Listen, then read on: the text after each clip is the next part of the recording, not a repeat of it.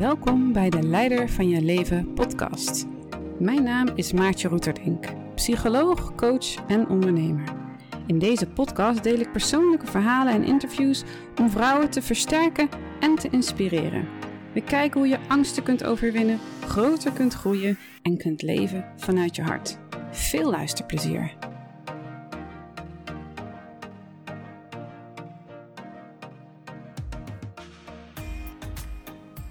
Vandaag wou ik het hebben over het onderwerp kracht. Deze week heb ik een aantal interacties met mezelf en met cliënten of misschien mogelijk nieuwe cliënten waarin het gaat over kracht. En toen ik met Leider van je leven begon, dacht ik, het gaat over empowerment. Nou, dat is een woord dat heel vaak wordt gebruikt. En in dat woord zit natuurlijk power, het geen kracht betekent. En ook als ik keek net even naar mijn eigen website, en staat dan op, een van de eerste woorden is kracht. Ken je kracht. Ik denk, waarom is dat krachtig zijn eigenlijk nou zo belangrijk? Want ehm, als ik met vrouwen spreek, dan hoor ik ook heel vaak dingen als je hart volgen en je intuïtie volgen en je wijsheid en zacht zijn voor jezelf. En ik denk dat dat allemaal heel waardevol is. En toch kom ik steeds weer uit op datzelfde thema kracht. Dus ik vraag me af, ja, wat betekent dat woord eigenlijk? Of wat betekent dat thema in mijn leven en in de levens van andere vrouwen? En voor mij, ehm, als ik terugkijk, denk ik, volgens mij ben ik op een bepaalde manier altijd wel vrij krachtig geweest. In de zin van ehm, mijn eigen, ja, doen wat ik zelf wilde of gaan staan voor wat ik zelf belangrijk vond.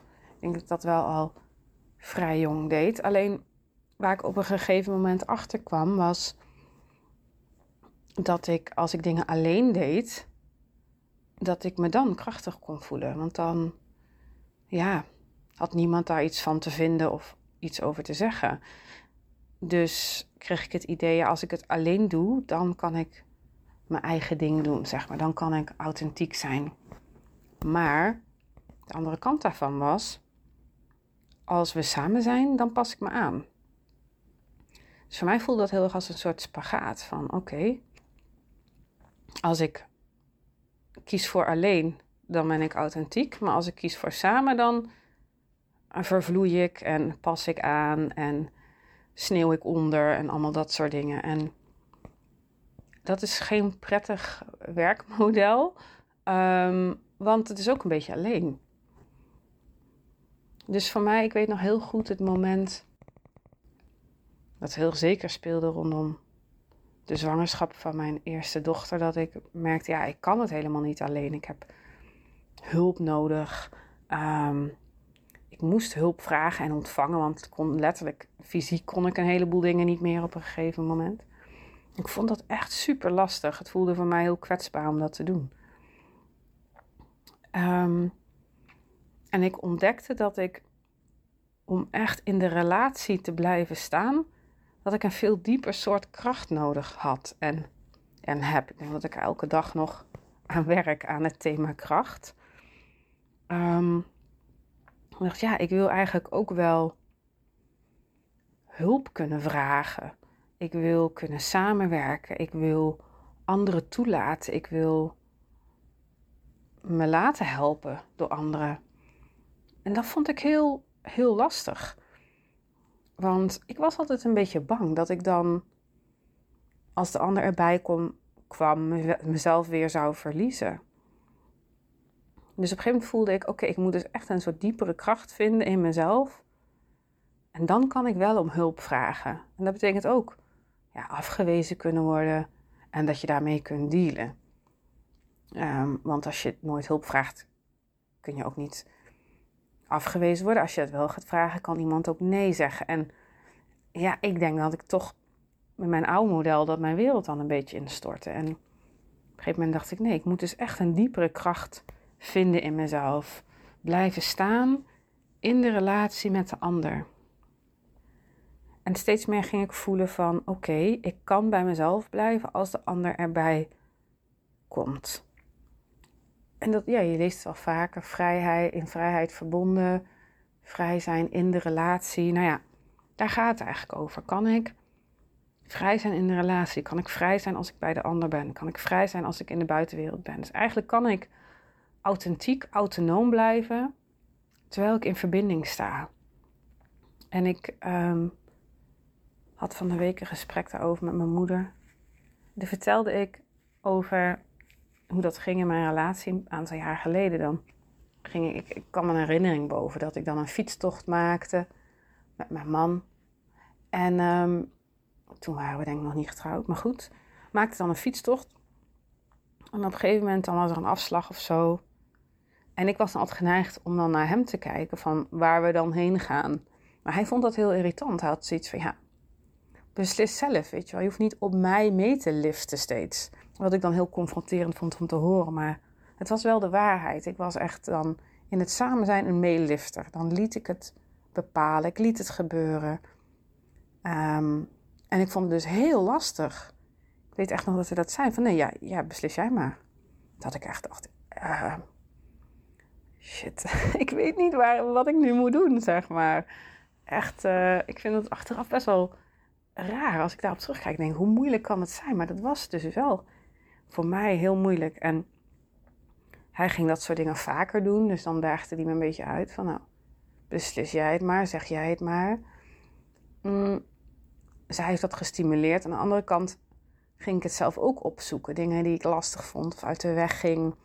Of die een bepaalde kracht vereisten. Dat ik oké, nee, ik ga dit nu initiëren. Ik ga dit nu doen. Ik ga nu bijvoorbeeld een aanhanger huren. Nou, vond ik dan iets heel mannelijks om te doen. Maar was een enorme overwinning om dat dan te doen. En dan, nou ja, bepaalde uh, dingen te, op te ruimen. In huis ging dat dan over. En kun je dan uiteindelijk ook wel hulp bij vragen. Maar om echt te initiëren in dit is wat ik wil. En niet af te wachten tot een ander dat doet. En dan de ander de schuld te geven dat die het niet oppakt of zo. Um, en dus deze week kwam het thema een aantal keer terug.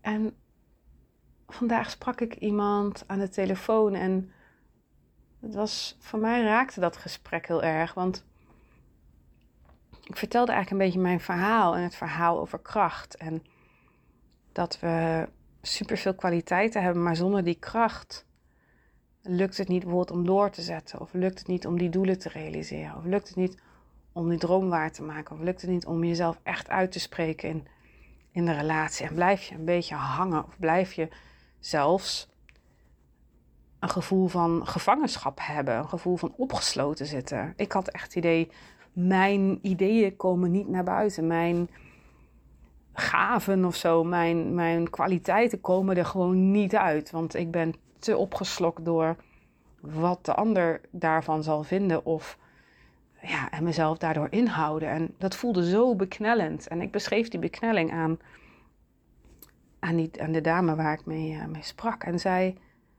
ja, was daar echt door geraakt. En zei ik, ja, dat woord gevangenis herken ik. En op zijn beurt dacht ik weer van, oh ja, dit is dus echt... Het is dus niet alleen mijn verhaal, het is een, collectief verhaal. En um, ja, ik denk echt dat dit voor vrouwen, en niet voor alle vrouwen, maar voor veel vrouwen wel een uitdaging is om dit, om dit te doen. En ik denk, als ik aan mezelf denk van wat is de potentie van deze kracht verder ontwikkelen, dan, ja, dan word ik um, een beetje ontroerd.